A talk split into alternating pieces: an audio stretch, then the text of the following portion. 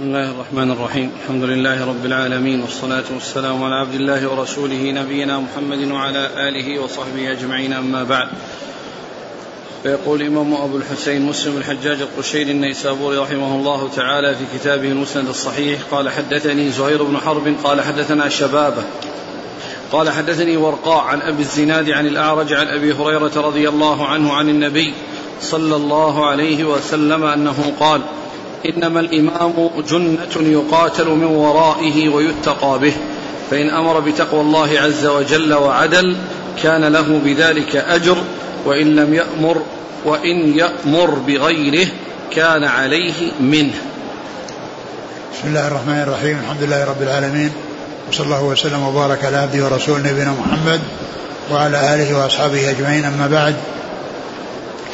فهذا الحديث يتعلق بالإمام الوالي وأنه جنة وأنه يقاتل معه وأنه يتقى به الأعداء وكذلك يتقى به يعني البغاة ويتقى به آه، اعتداء بعض الناس بعضهم على بعض بحيث يعني يترك بعضهم الاعتداء على بعض خوفا من الوالي وخوفا من من السلطان.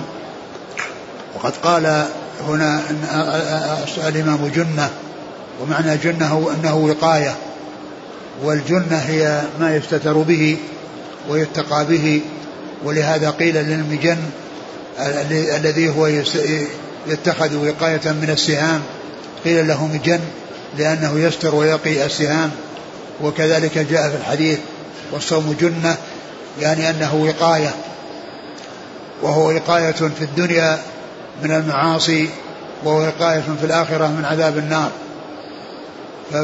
فوقايته من المعاصي في قوله صلى الله عليه وسلم يا معشر الشباب من استطاع منكم الباءة فليتزوج يا معشر من استطاع منكم الصوم؟ من استطاع منكم الباءة فليتزوج ومن لم يستطع فعليه بالصوم فإنه له وجاء فإنه له وجاء. وهذا يعني يدل على أن أن أن أن الصوم يعني هو جنة من المعاصي وأنه وقاية من المعاصي. ولذا قال الصوم جنة يعني أنها جنة من المعاصي. وذلك بكون الإنسان يصوم عند يعني ما يخشى عند إذا خشى عن نفسه العنت والمشقة وليس عنده قدرة يعني يتحقق به ما يريد من وجود زوجة أو ملك اليمين. وكذلك أيضا يعني جنة من النار وأيضا هو جنة من النار ووقاية, من النار والصوم جنة يعني أنه يقي من عذاب النار وهو جنة في الدنيا من المعاصي وجنة في الآخرة من, من, من عذاب النار. و و وأيضا جاء عن أمير المؤمنين عثمان بن عفان رضي الله تعالى عنه أنه قال إن الله يزع بالسلطان ما لا يزع بالقرآن. إن الله يزع بالسلطان ما لا يزع بالقرآن يعني أن أهل الفساد وأهل الاعتداء وأهل الظلم يخافون من سطوة السلطان ويخافون من العقوبة التي تأتي من السلطان. ولهذا قال إن الله يزع بالسلطان ما لا يزع بالقرآن يعني من الناس من لا تؤثر فيه القوارع والزواجر التي في القرآن ولكنه يخاف من الصوت والعصا. يخاف من الصوت والعصا ولا تؤثر فيه الزواجر والقوارع التي في القرآن التي فيها الترهيب وفيها التخويف.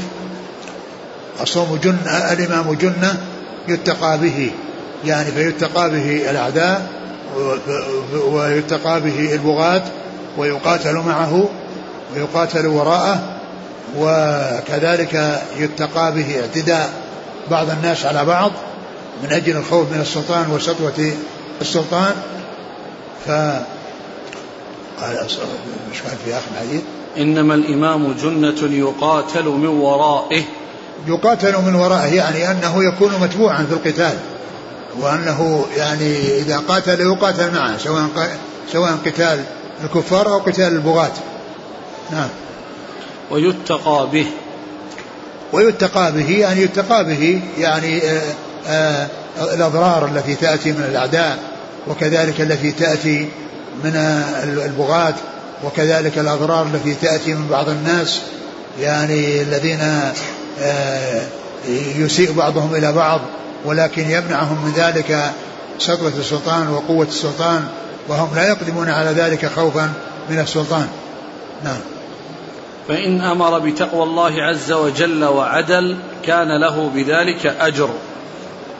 فإن أمر بتقوى الله وعدل أمر بتقوى الله يعني أوامره يعني موافقة لما لما هو تقوى لله عز وجل وبما هو طاعة لله وطاعة الرسول صلى الله عليه وسلم وعدل يعني حصلت منه التقوى وحصل من عدل فإنه كان له أجر في ذلك كان له أجر وثواب على ذلك وإن كان وإن يأمر بغيره كان عليه منه. وإن يأمر بغيره يعني بغير بغير التقوى وبغير العدل كان عليه منه عليه تبعته وعليه مغبته وعليه آثامه التي تلحق به لأنه إن أمر بخير فهو على خير وإن أمر بشر فهو على شر. وهو إذا أمر بطاعة يسمع له ويطاع وإذا أمر بمعصية لا يسمع ولا يطاع. ولكنه إذا حصل منه شيء فيه ضرر فيه خير وعدل للرعية فإنه يؤجر وإذا حصل منه يعني ما فيه ضرر على الرعية وإساءة لها فإنه يكون عليه منه أي من تبعاته من الإثم والعقوبة التي يستحقها. نعم. قال حدثني زهير بن حرب عن شبابه. شبابه بن سوار. عن ورقاء. ورقاء بن اليشكري بن عمر. ورقاء بن عمر اليشكري عن أبي الزناد. وعبد الله بن ذكوان عن الأعرج. عن الأعرج هو عبد الرحمن بن هرمز. عن أبي هريرة. وهذا الموضع الذي هذا الحديث أول الفوات الثالث الذي سبق أن مر أن أن هناك ثلاثة مواضع يعني لم يسمعها إبراهيم بن محمد بن سفيان اللي هو أبو إسحاق الراوي عن مسلم. لم يسمعها منه وإنما يعني حصلها وجادة أو إجازة. وهي ثلاثة مواضع مر اثنان منها وهذا هو الثالث وهو الأخير. وقد ذكرها النووي في أول فصول شرحه على مسلم فإنه عقد فصلا ذكر فيه في هذه الفواتات الفواتات الثلاث الثلاثة التي يعني لم يسمعها راوي مسلم منه. وإنما أخذها عنه وجادة أو إجازة. وقد ذكرها في الفصل الرابع من الفصول التي ذكرها في مقدمة شرحه لصحيح مسلم. قال رحمه الله تعالى حدثنا محمد بن بشار قال حدثنا محمد بن جعفر قال حدثنا شعبة عن فرات عن فرات القزاز عن أبي حازم قال قاعدت أبا هريرة خمس سنين فسمعته يحدث عن النبي صلى الله عليه وسلم قال كانت بنو إسرائيل تسوسهم الأنبياء كلما هلك نبي خلفه نبي وإنه لا نبي بعدي وستكون خلفاء فتكثر قالوا فما تأمرنا؟ قال فو ببيعة الأول فالأول وأعطوهم حقهم فإن الله سائلهم عما استرعاهم. قال حدثنا أبو بكر بن أبي شيبة وعبد عبد الله بن براد الأشعري قال حدثنا عبد الله بن إدريس عن الحسن بن فرات عن أبيه بهذا الإسناد مثله. ثم ذكر يعني هذا الحديث الذي فيه يعني أن بني إسرائيل كانت تسوسهم الأنبياء يعني معناها أنها تقوم برعايتهم وب يعني الإحسان إليهم وب يعني ببيان الطرق التي تؤدي إلى صلاحهم وفلاحهم وسعادتهم في الدنيا والآخرة تسوسهم الأنبياء. يعني تقوم على حفظهم ورعايتهم وتوجيههم وإرشادهم ودلالتهم على كل خير وتحذيرهم من كل شر. فإذا هلك نبي جاء بعده نبي أو خلفه نبي. يعني معناه الأنبياء كثيرون. يعني في بني إسرائيل. ويعني ف يعني إذا ذهب نبي يأتي نبي وقد يكون أنبياء في وقت واحد وقد يكون أنبياء يعني في في في, في زمن واحد. ف يعني كانت بنو إسرائيل تسوسهم الأنبياء فإذا هلك نبي جاء بعده نبي. وهنا عبر بهلك وهذا يدل على أن التعبير بالهلاك أنه يعني أنه لا بأس به وأنه سائق وقد جاء في القرآن يعني عن عن يوسف يعني ولقد جاءكم يوسف من قبل بيان فزدتم شك ما جاءكم به حتى إذا هلك.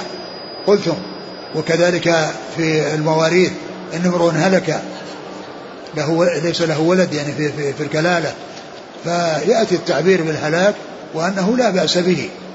ولهذا يحرص أو يحرص في كتب الفرائض على التعبير بهلك قال يقال هلك هالك. يعني لأنه جاء في القرآن إن امرؤ هلك يعني ليس له ولد فيعبر بهلك هالك بدل ما مات ميت لأن هذا هو اللفظ المطابق للقرآن فيما يتعلق بالمواريث. فالتعبير بهلك يعني جاء في كتاب الله عز وجل وجاء في سنة, سنة رسوله صلى الله عليه وسلم وليس فيه يعني نقص وليس فيه عيب وإنما هو سائغ وجائز وقد جاء به القرآن وسنة الرسول الكريم صلى الله عليه وسلم. وإنه سيكون خلفاء. وستكون خلفاء فتكثر. وستكون خلفاء فتكثر يعني في هذه الأمة. يعني هناك يعني يسوسهم الأنبياء وهنا يعني يسوسهم الخلفاء ويقومون على شؤونهم ولكنهم منهم من يحسن ومنهم من يسيء. خلاف الأنبياء فإنهم معصومون ولا يحصل منهم إلا الخير. وأما الخلفاء فيحصل منهم الخير ويحصل منهم, ويحصل منهم الشر. وهنا عبر بالخلفاء.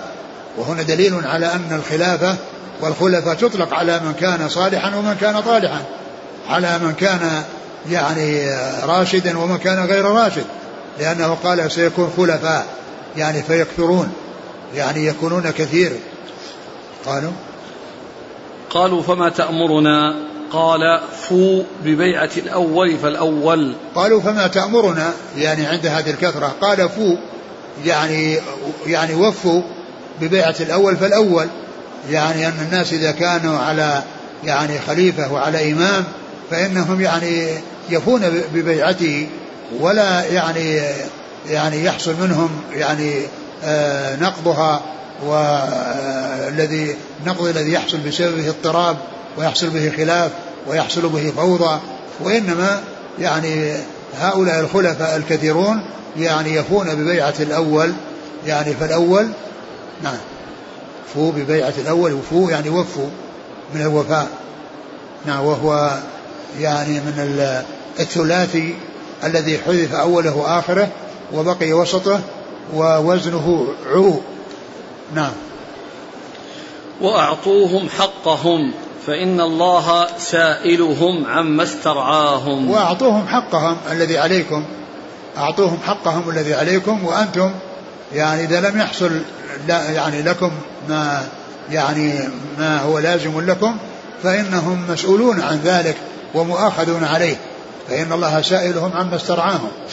يعني أنتم أدوا الذي عليكم واسألوا الله الذي لكم ويعني وهم مسؤولون عن عن من استرعاه الله استرعاهم الله عليهم فإن أحسنوا فلهم الإحسان وإن أساءوا فلهم العقوبة. نعم. قال حدثنا محمد بن بشار عن محمد بن جعفر عن شعبة عن فرات القزاز.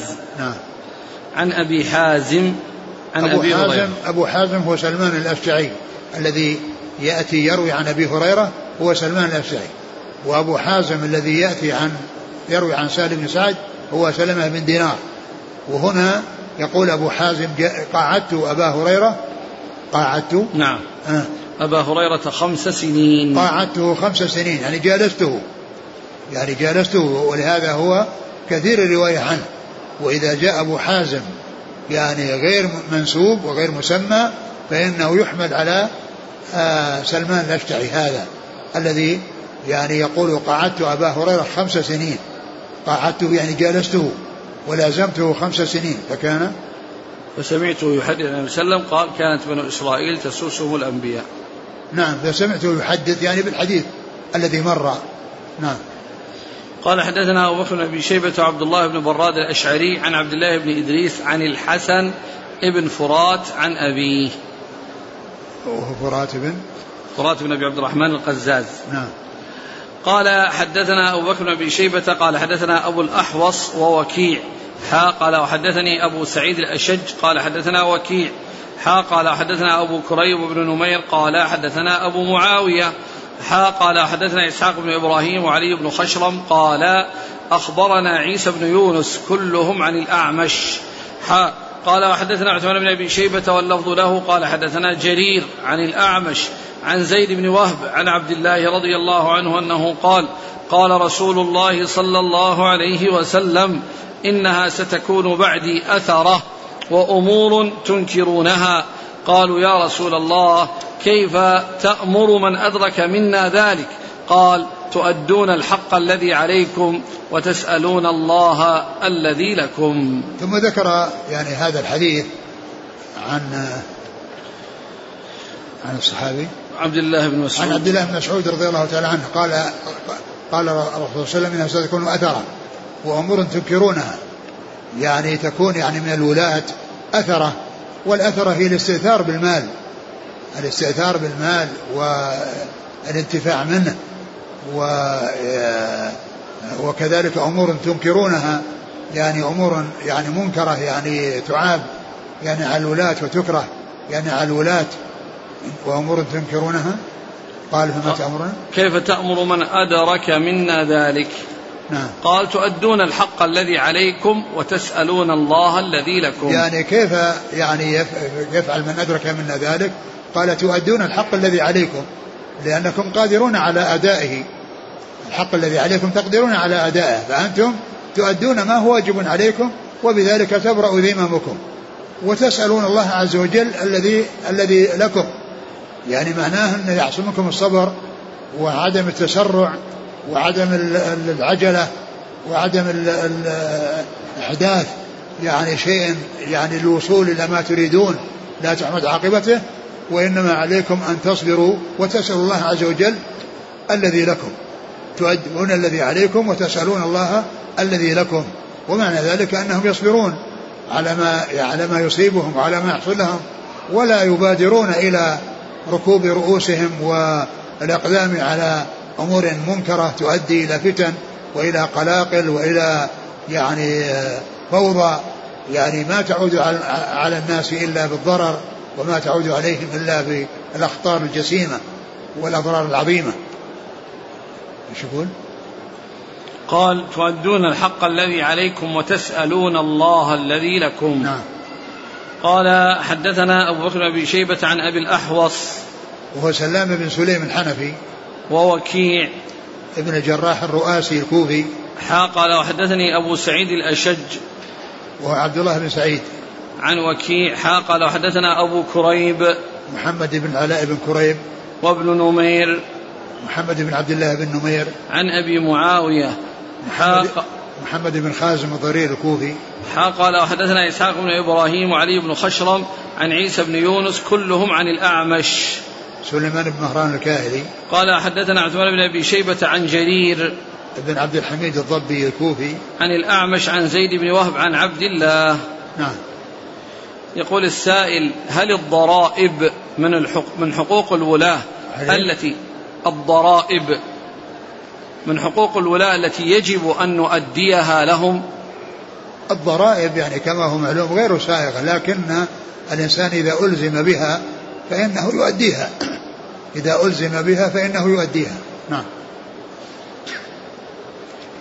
قال حدثنا زهير بن حرب و... وإسحاق بن إبراهيم قال إسحاق أخبرنا وقال زهير حدثنا جرير عن الأعمش عن زيد بن وهب عن عبد الرحمن بن عبد رب الكعبة قال دخلت المسجد فإذا عبد الله بن عمرو بن العاص جالس في ظل الكعبة والناس مجتمعون عليه فأتيتهم فجلست إليه فقال كنا مع رسول الله صلى الله عليه وسلم في سفر فنزلنا منزلا فمنا من يصلح خباءه ومنا من ينتضل ومنا من هو في في جشره. إذ نادى منادي رسول الله صلى الله عليه وسلم الصلاة جامعة. فاجتمعنا إلى رسول الله صلى الله عليه وسلم فقال إنه لم يكن نبي قبلي إلا كان حقا عليه أن يدل أمته على خير ما يعلمه لهم وينذرهم شر ما يعلمه لهم. وإن أمتكم هذه جعل عافيتها في أولها وسيصيب آخرها بلاء وأمور تنكرونها وتجيء فتنة فيرقق بعضها بعضا. وتجيء الفتنة فيقول المؤمن هذه مهلكتي ثم تنكشف.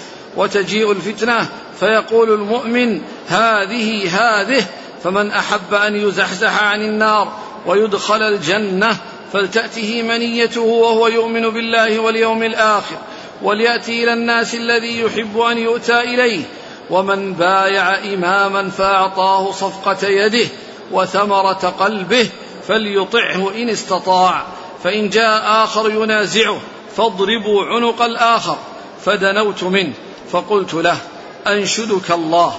أنت سمعت هذا من رسول الله صلى الله عليه وسلم فهو إلى أذنيه وقلبه وقلبه بيديه وقال سمعت سمعته أذناي ووعاه قلبي. فقلت له هذا ابن عمك معاوية رضي الله عنه. يأمرنا أن نأكل أموالنا بيننا بالباطل ونقتل أنفسنا. والله يقول يا أيها الذين آمنوا لا تأكلوا أموالكم بينكم بالباطل إلا أن تكون تجارة عن تراض منكم ولا تقتلوا أنفسكم إن الله كان بكم رحيما. قال فسكت ساعة ثم قال أطعه في طاعة الله وأعصه في معصية الله. قال وحدثنا أبو بكر بن شيبة وابن نمير وأبو سعيد الأشج قالوا حدثنا وكيع حاء قال وحدثنا أبو كريب قال حدثنا أبو معاوية كلاهما عن الأعمش بهذا الإسناد نحوه. قال وحدثني محمد بن رافع قال حدثنا أبو المنذر إسماعيل بن عمر قال حدثنا يونس بن أبي إسحاق الهمداني قال حدثنا عبد الله بن أبي السفر عن عامر عن عبد الرحمن بن عبد رب الكعبة الصائدي قال رأيت جماعة عند الكعبة فذكر نحو حديث الأعمش. ثم ذكر هذا الحديث عن عبد الله بن عمرو بن العاص رضي الله تعالى عنهما هذا الحديث الطويل الذي رواه مسلم في صحيحه وهو مشتمل على جمل يعني في أولها يعني يقول يعني عبد الله بن عمرو بن العاص رضي الله عنه كنا مع النبي صلى الله عليه وسلم في سفر فمنا من ينتظر يعني يعني نزلوا في مكان وكان يعني كل يعني له أعمال فمن قال فمنا من ينتظر يعني من يرامي ويتخذ هدفا ويترامون كل منهم يعني يعني يعرف من يصيب ومن لا يصيب. هذا هو الانتظار كن فمنا من ينتظر. يعني أنهم يتبارون يعني في الرمي والإصابة ومن يصيب ومن لا يصيب. ومنا من يصلح خباءه.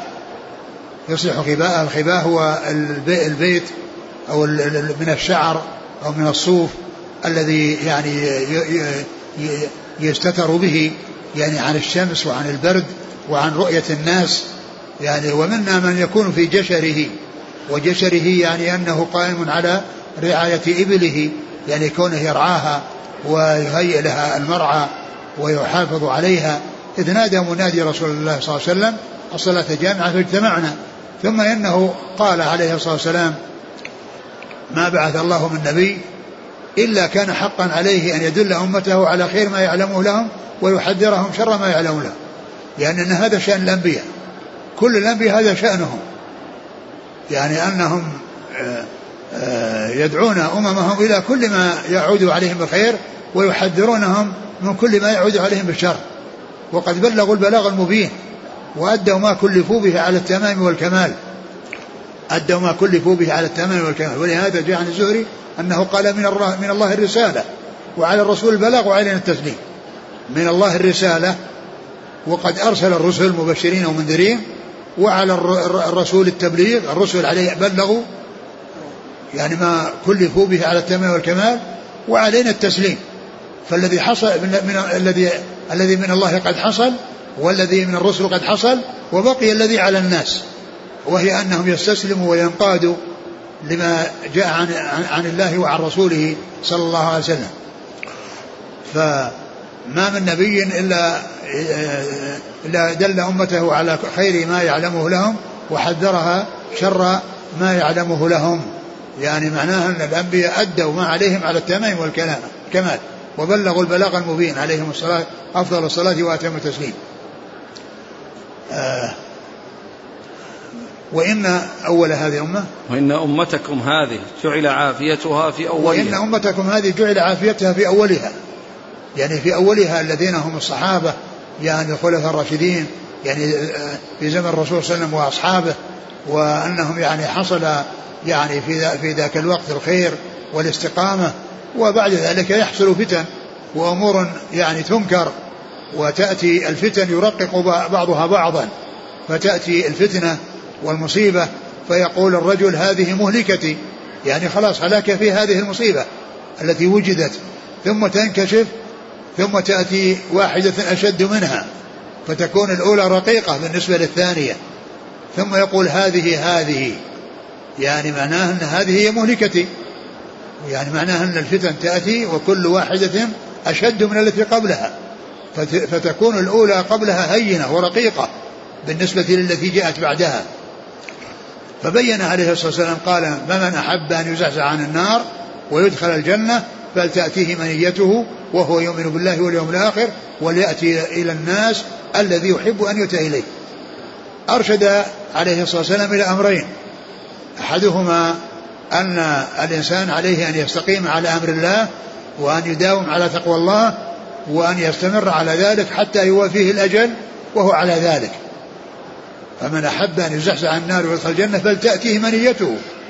يعني من يداوم على الطاعة ويداوم على الاستقامة حتى تأتيه المنية وهو على خير. فمن فتأتيه منية. وهذا نظير قول الله عز وجل يا أيها الذين اتقوا الله حق تقاته ولا تموتن إلا وأنتم مسلمون. يعني من ادوموا على الإسلام حتى إذا وافاكم الأجل يوافيكم وأنتم على حال طيبة. فإن هذا الحديث أو هذه الجملة من الحديث مثل هذه القطعة من الآية.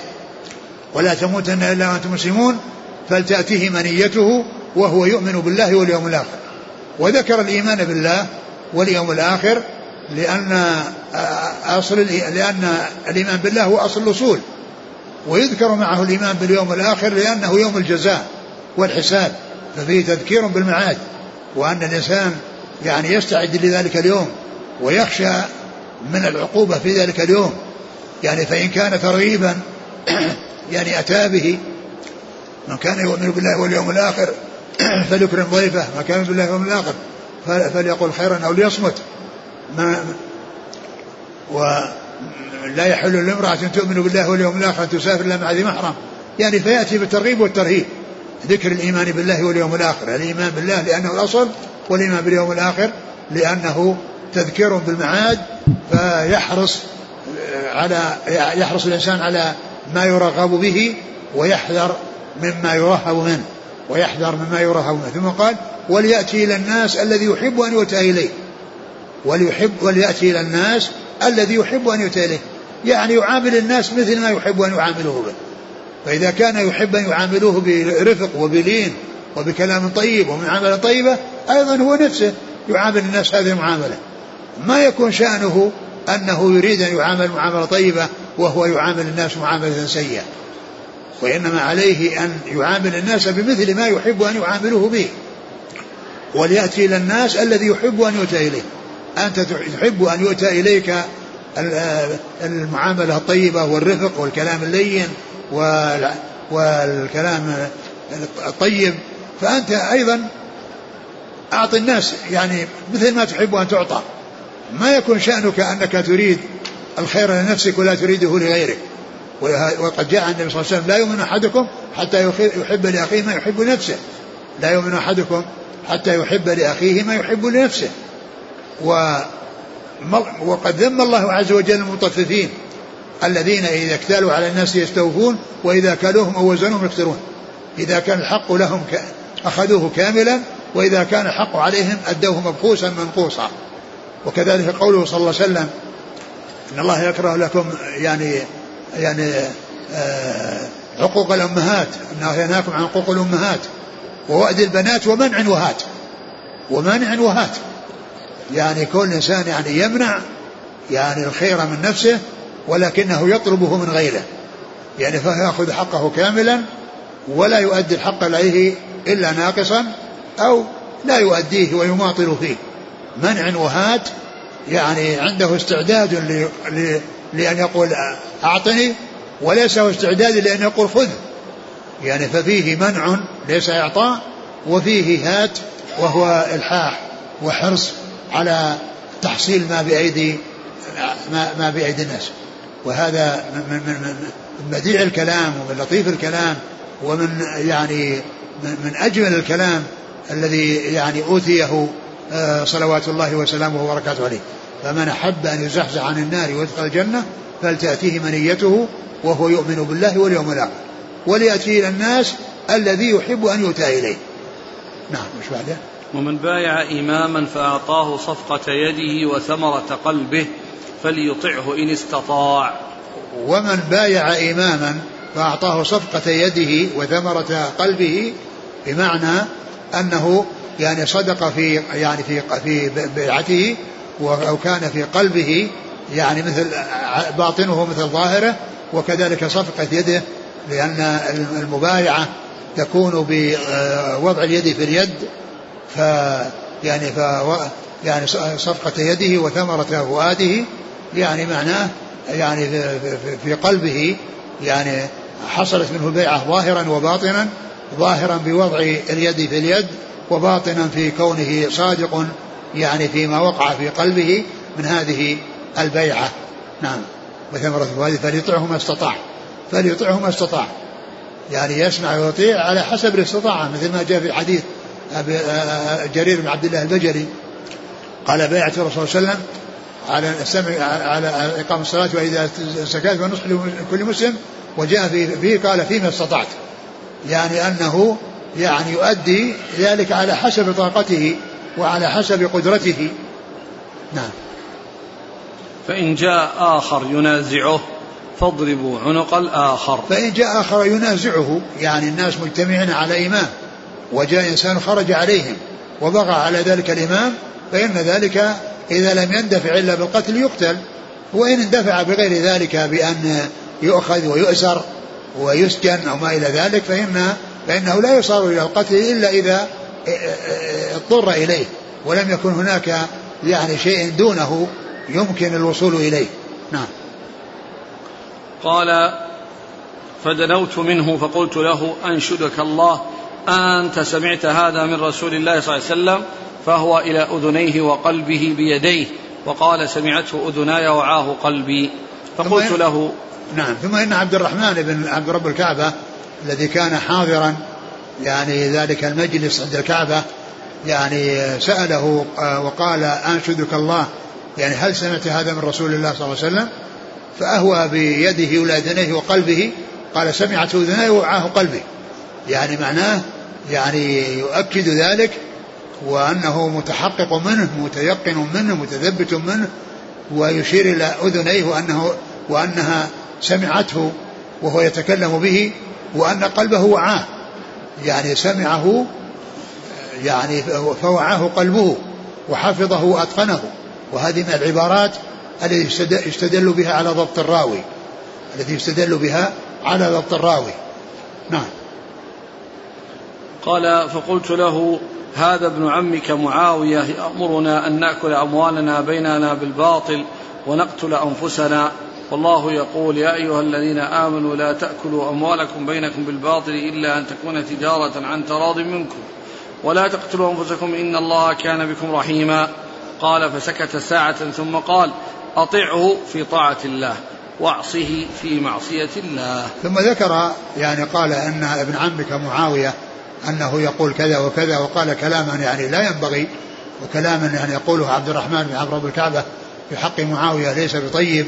والواجب هو أن تكون الألسنة نظيفة في حق أصحاب الرسول صلى الله عليه وسلم وأن يذكروا يعني بالخير ويعتقد فيهم أنهم يعني فيما يجري بينهم آه، مجتهدون وأن من اجتهد وأصاب فله أجران ومن اجتهد وأخطأ فله أجر واحد وخطأه مغفور. ولا شك أن الذي حصل بين علي ومعاوية رضي الله تعالى عنهما يعني شيء قد وقع وكل منهما قد اجتهد ولا شك أن علي رضي الله عنه يعني هو الأولى وهو أقرب إلى الحق كما جاء في حديث الخوارج. يعني تمرق مارقة من المسلمين على حين فرقة من المسلمين تقتلهم أولى الطائفتين بالحق تقتلهم أولى الطائفتين بالحق والذي قتلهم علي رضي الله عنه.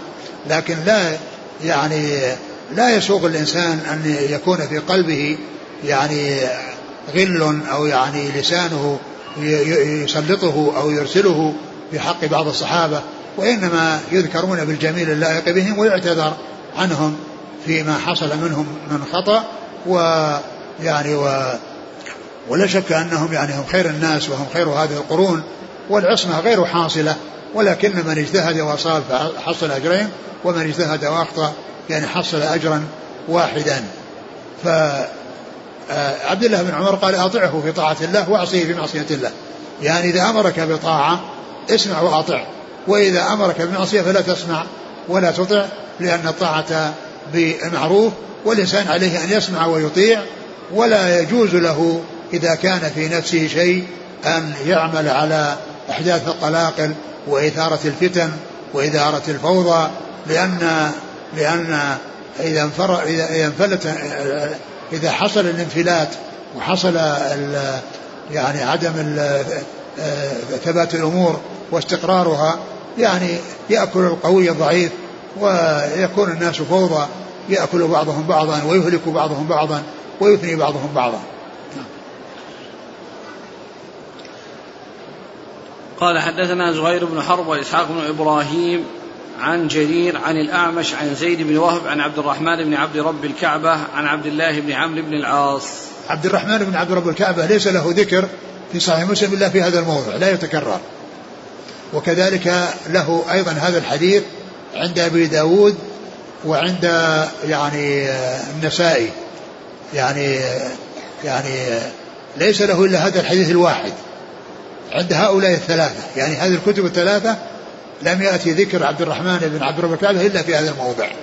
وفي هذا الحديث وحده. ولهذا كما قلت لكم إن كتاب خلاصة تذهيب الكمال للخزرجي يعني من ميزاته أن الرجل إذا كان مقلا فإنه يذكر يعني أنه مقل. ولهذا لما جاء عند عبد الرحمن بن عبد رب الكعبة قال له عندهم هذا الحديث. لهم له عندهم فرد حديث.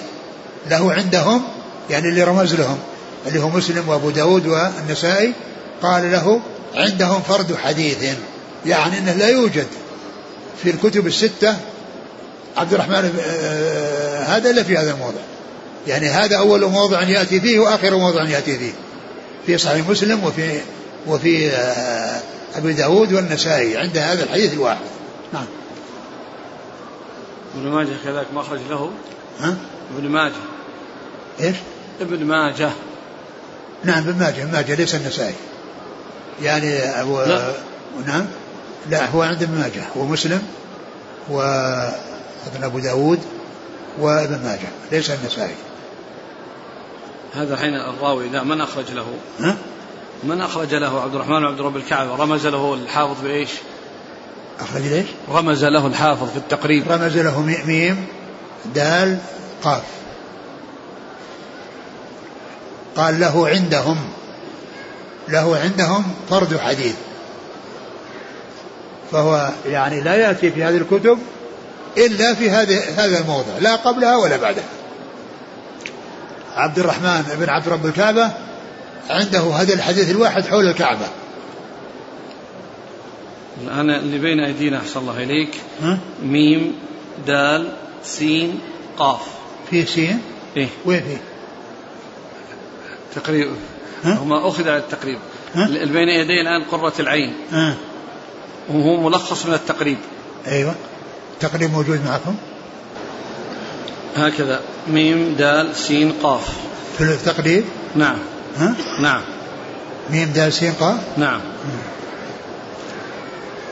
على كل هذا يعني ال ال تحفة الأشراف. هو الذي سيوضح يعني يعني ويعزو الحديث إلى كل واحد منهم فيقول فلان في كذا وفلان في كذا وفلان في كذا لكن موجود في التقريب هكذا؟ نعم. ها؟ نعم. ميم نعم. دال سين قاف. نعم. يقول يقول في الخلاصة له عندهم فرد حديث. نعم. الشيخ محمد علي آدم في قرة العين. نقل كلام الحافظ ثم زاد له عندهم حديث واحد في الفتن. اي نعم. بعد هذه الرموز الأربعة ميم دال سين قاف له عندهم يعني مع الرموز الأربعة؟ أي. نعم. له عندهم حديث واحد في الفتن. يعني عندهم يعني هذا الذي رمز لهم. نعم. ولكن يعني هذه الرموز يعني أحيانا يكون فيها يعني نقص واحيانا يكون يعني فيها زيادة. وأحيانا يكون فيها تصحيف يعني بين رمز ورمز. ولكن الذي يعني يوضح ذلك بالحروف هو تهذيب الكمال. لأن تهذيب الكمال يعني إذا ذكر الترجمة يختمها يختم الترجمة بقوله وأخرج له الجماعة أخرج له فلان وفلان أخرج له الأربعة. يعني فينص على ذلك بالحروف. وأما يعني في الخلاصة وفي التقريب وكذلك في تهذيب التهذيب. يعني فإنهم يعني يرمزون بالرمز. وأما ذاك يقول أخرج له الجماعة. وطريقة يأتي بها في ختام الترجمة. يعني الإنسان عندما يريد أن يعرف الذين خرجوا له من تهذيب الكمال يعمد إلى آخر الترجمة ويجد فيها من هم الذين يعني آه، خرج لهم. يعني أو الذي جاءت يعني هذا يعني هذا الرجل عندهم. نعم.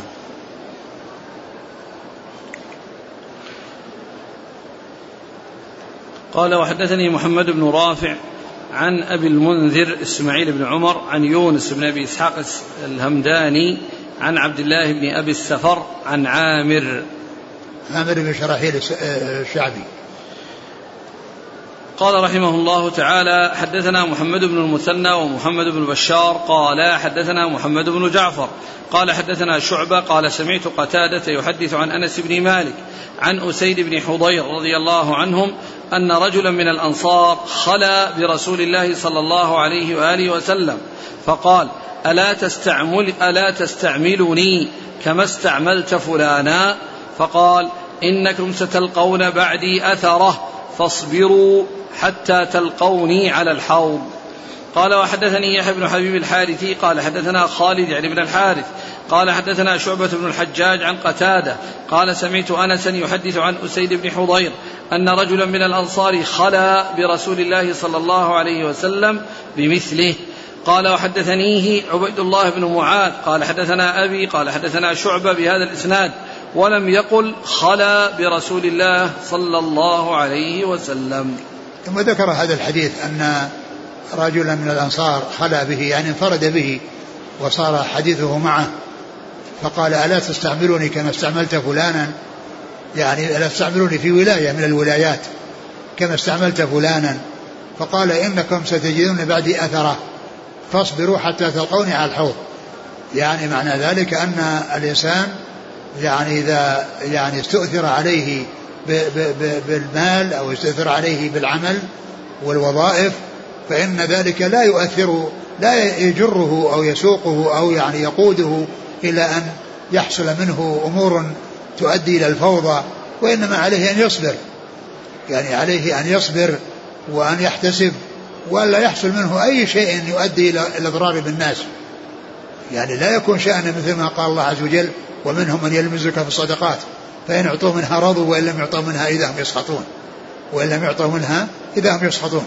فالإنسان إذا كان في نفسه شيء يصبر. وكما مر في الحديث يؤدي الذي عليه ويسأل الله الذي له. يؤدي الذي عليه ويسأل الله الذي له. أعد الحديث شوفون خلا رجل برسول الله صلى الله عليه وسلم فقال ألا تستعملني تستعملني كما استعملت فلانا؟ قال إنكم ستلقون بعدي أثرة. فاصبروا حتى تلقوني على الحوض. نعم. قال حدثنا محمد المثنى ومحمد البشار عن محمد بن جعفر عن شعبة عن قتادة عن أنس عن أسيد بن حضير. قتادة بن دعامة السدوسي البصري. نعم. قال وحدثنيه عبيد الله بن معاذ عن أبيه. معاذ بن معاذ العنبري. قال رحمه الله تعالى حدثنا محمد بن مثنى ومحمد بن بشار قال حدثنا محمد بن جعفر قال حدثنا شعبة عن سماك بن حرب عن علقمة بن وائل الحضرمي عن أبيه رضي الله عنه أنه قال سأل سلمة بن يزيد الجعفي رضي الله عنه رسول الله صلى الله عليه وسلم فقال يا نبي الله أرأيت إن قامت علينا أمراء يسألون حقهم؟ ويمنعون حقنا فما تأمرنا؟ فأعرض عنه. ثم سأله فأعرض عنه. ثم سأله في الثانية أو في الثالثة فجذبه الأشعث بن قيس رضي الله عنه وقال اسمعوا وأطيعوا فإنما عليهم ما حملوا وعليكم ما حملتم. قال وحدثنا أبو بكر بن أبي شيبة قال حدثنا شبابة قال حدثنا شعبة عن سماك بهذا الإسناد مثله وقال فجذبه الأشعث بن قيس فقال رسول الله صلى الله عليه وسلم اسمعوا وأطيعوا فإنما عليهم ما حملوا وعليكم ما حملتم. أعد نوله. متن. سأل سلمة بن يزيد الجعفي رسول الله صلى الله عليه وسلم فقال يا نبي الله أرأيت إن قامت علينا أمراء؟ يسألون حقهم ويمنعون حقنا فما تأمرنا؟ فأعرض عنه ثم سأله فأعرض عنه ثم سأله. يعني هذا الرجل سأل الرسول صلى الله عليه وسلم يقول أنه يكون فينا أمراء يسألون حقهم ويمنعون حقنا فما تأمرنا؟ فالرسول عليه السلام يعني سكت وبعد ذلك قال له آه، اسمع وأطع في الآخر اسمع.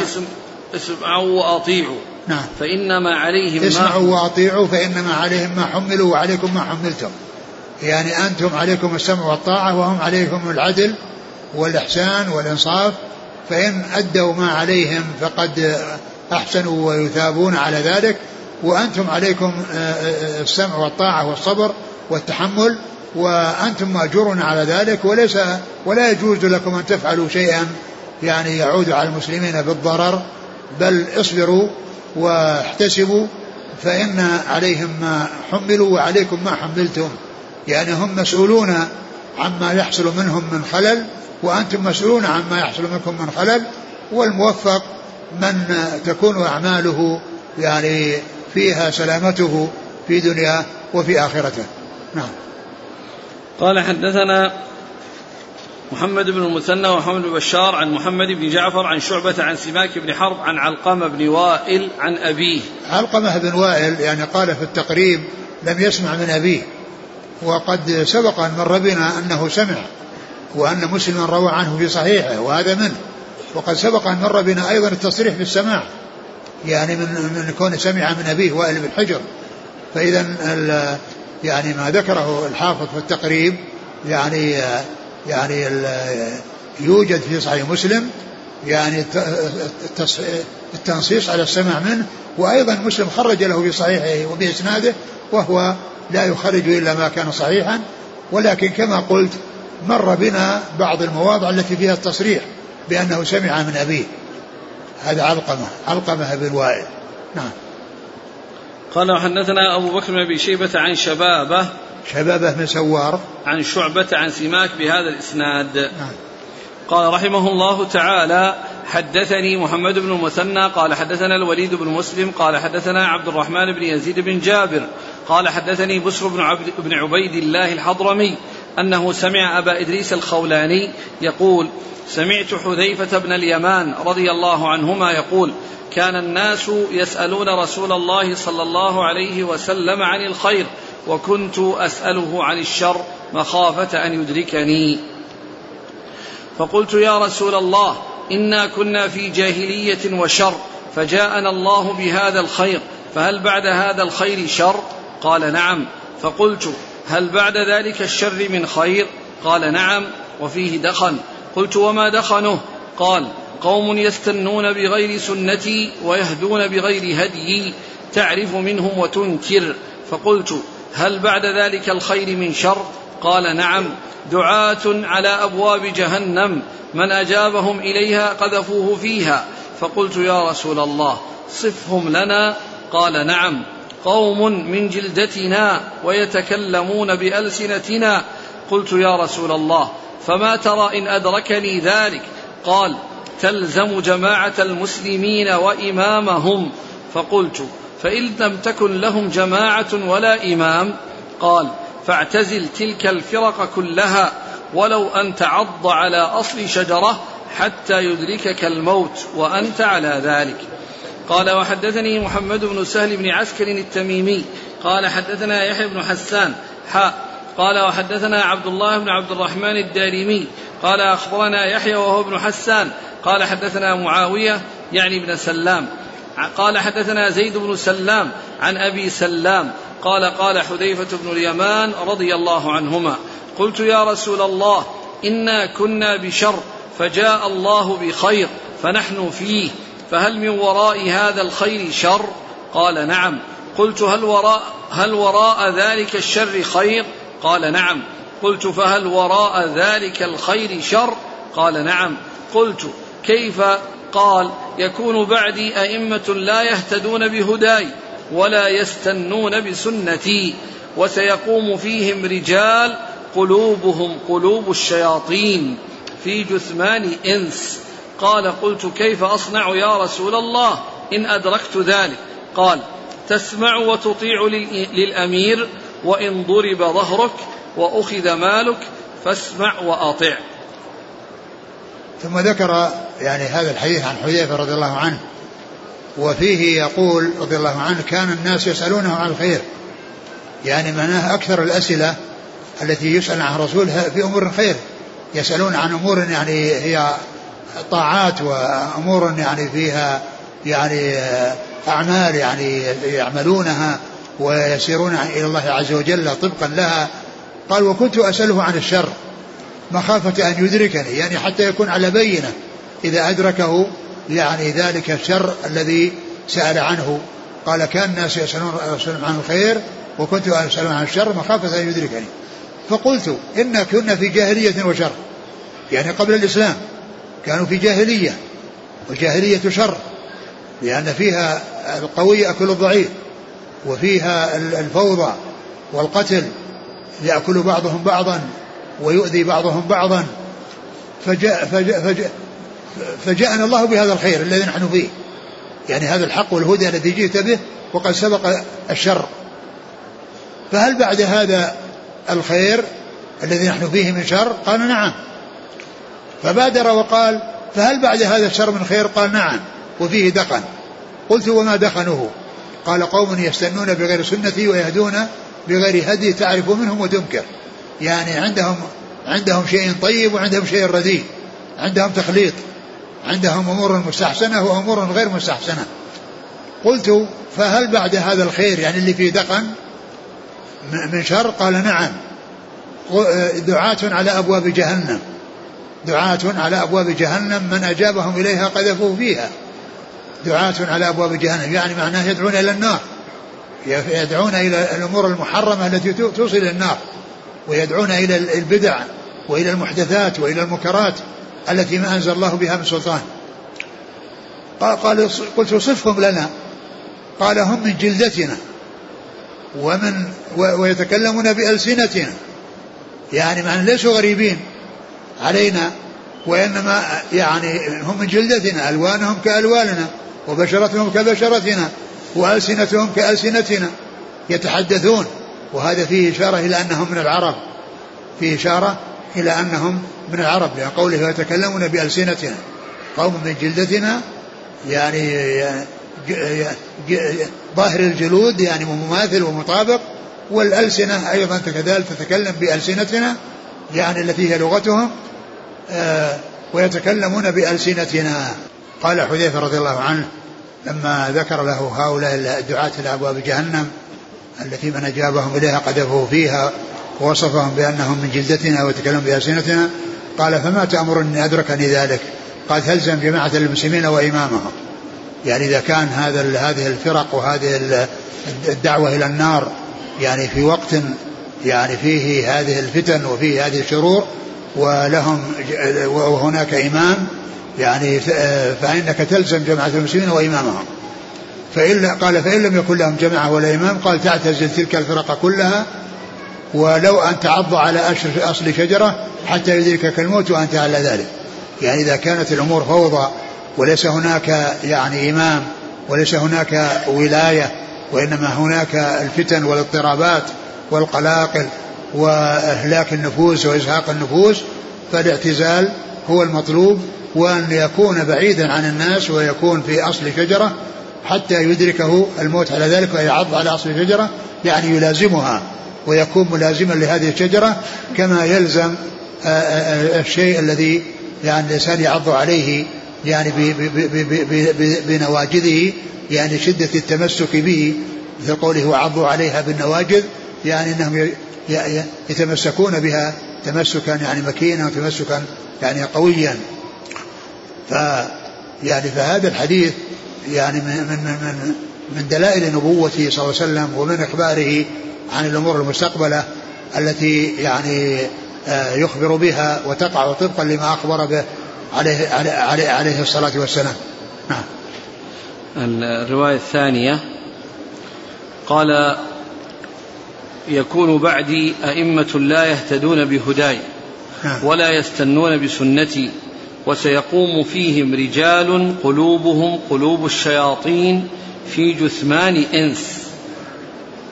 يعني ما قلوب الشياطين يعني شدة الشر ولكنهم في جثمان الإنس يعني يعني قلوبهم يعني هم هم يعني إنس ولكن قلوبهم خبيثة وقلوبهم يعني شريرة يعني هي قلوبهم قلوب الشياطين.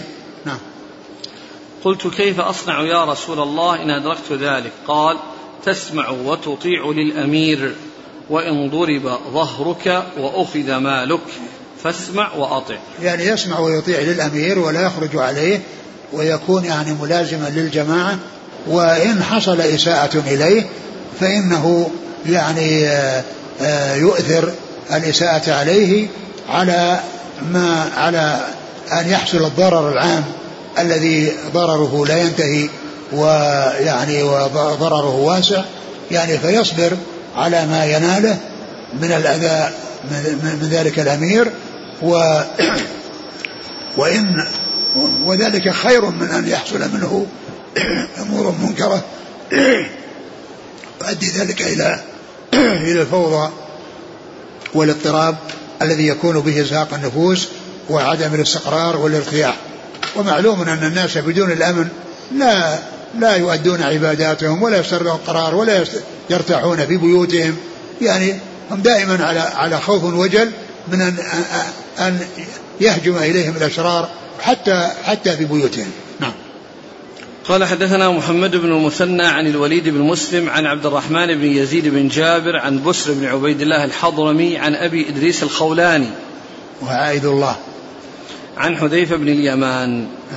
قال وحدثني محمد بن سهل بن عسكر التميمي عن يحيى بن حسان حا قال وحدثنا عبد الله بن عبد الرحمن الدارمي عن يحيى وابن حسان عن معاوية بن سلام عن زيد بن سلام عن أبي سلام. وهذا فيه رواية الأخ عن أخيه والأب عن أبيه وهنا مرسل لأن يعني أبو سلام لم يدرك حذيفة ولهذا هو يرسل وهذا لا يؤثر على مسلم لأن الحديث موجود من غير هذا الطريق وإنما يعني جاء هذا للاستشهاد. وليس للأصالة والبناء عليه فإن الحديث يعني ثابت من غير هذا الطريق من الطريقة السابقة. نعم. وأبو سلام هو آه، آه، آه، أبو أبو سلام هو ممطور الحبشي. قال حدثنا شيبان بن فروخ قال حدثنا جرير عن ابن حازم قال حدثنا غيلان بن جرير عن أبي قيس بن رياح عن أبي هريرة رضي الله عنه عن النبي صلى الله عليه وسلم أنه قال من خرج من الطاعة وفارق الجماعة فمات مات ميتة جاهلية ومن قاتل تحت راية عمية يغضب لعصبه أو يدعو إلى عصبه أو ينصر عصبه فقتل فقتلة جاهلية ومن خرج على أمتي يضرب برها وفاجرها ولا يتحاشى من مؤمنها ولا يفي لذي عهد عهده فليس مني ولست منه. والله تعالى أعلم وصلى الله وسلم وبارك على عبده ورسوله نبينا محمد وعلى آله وأصحابه أجمعين. جزاكم الله خيرا وبارك الله فيكم ألهمكم الله الصواب ووفقكم للحق شافاكم الله وعافاكم ونفعنا الله ما سمعنا وغفر الله لنا ولكم وللمسلمين أجمعين. آمين. الحديث الذي الرواية الأخيرة شو؟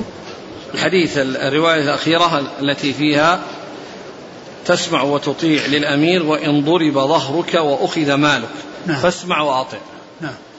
شرح الحديث على أن هذا الظلم إنما وقع لفرد فهذا لأنه ظلم فرد فيبقى يسمع ويطيع أما إذا كان الوالي يظلم الجميع فحينئذ لا لا يسمع له ولا يطاع لأنه قد أتى جورا يعني عاما وظلما لجميع البلاد والعباد.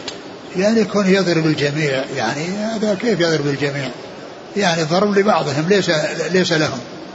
أقول ليس لهم ويعني ما دام انه يعني والي وعنده خير وعنده شر وعنده جور يعني أئمة الجور يسمع لهم ويطاع. يعني لو كان الأمر مقصورا على أهل العدل يعني نعم يصير لكن الأمر جاء حتى ولو جاروا حتى ولو كانوا جائرين. ومعنى ذلك أن الإنسان كل إنسان مخاطب بنفسه. كل إنسان مخاطب بنفسه. وإذا حصل ضرر لعشرة أو عشرين أو ثلاثين ما يجوز أن الناس يخرجون ومن أجل هؤلاء الذين نالهم شيء من الضرر. فإن المصلحة العامة والفوائد المصالح المترتبة على الجماعة وعلى الأمن يعني أولى من أن يحصل إقدام على ما لا تحمد عقباه بسبب تكرر الإساءة لعدة أشخاص. الرواية التي قبل قال فإن لم تكن لهم جماعة ولا إمام. قال فاعتزل تلك الفرق كلها. هل يدل على أنه يمكن أن يخلو زمان من جماعة؟ لا يمكن أن يكون يكون في بعض الأماكن. ليس بلازم أن أن الأرض تخلو كلها من قائم لله بحجته الحديث جاء ولا تزال طائفة من قائمين الحق لا يضرهم من خذلهم ولكنه يعني قد يكون في بلد من البلدان يعني يصير هذا الأمر ولا يستطيع الإنسان إلا أن يعتزل وأن يذهب يعني إلى إلى إلى مكان لأن فيه الفوضى. ومعلوم أن البلد الواحد إذا حصلت فيه فوضى والاضطراب يعني ما ما يقر للناس قرار ولا ولا ولا يهدي عنهم عيش. والعزلة خير من من الخلطة في هذه الحال. أما الخلطة إذا كان فيها مصلحة وفيها فائدة وأن الإنسان يخالطهم ويصبر على أذاهم ولكن يعني لا يضر في دينه فإن الصبر على الأذى مع الخلطة لكن حيث لا يمكن بحيث أن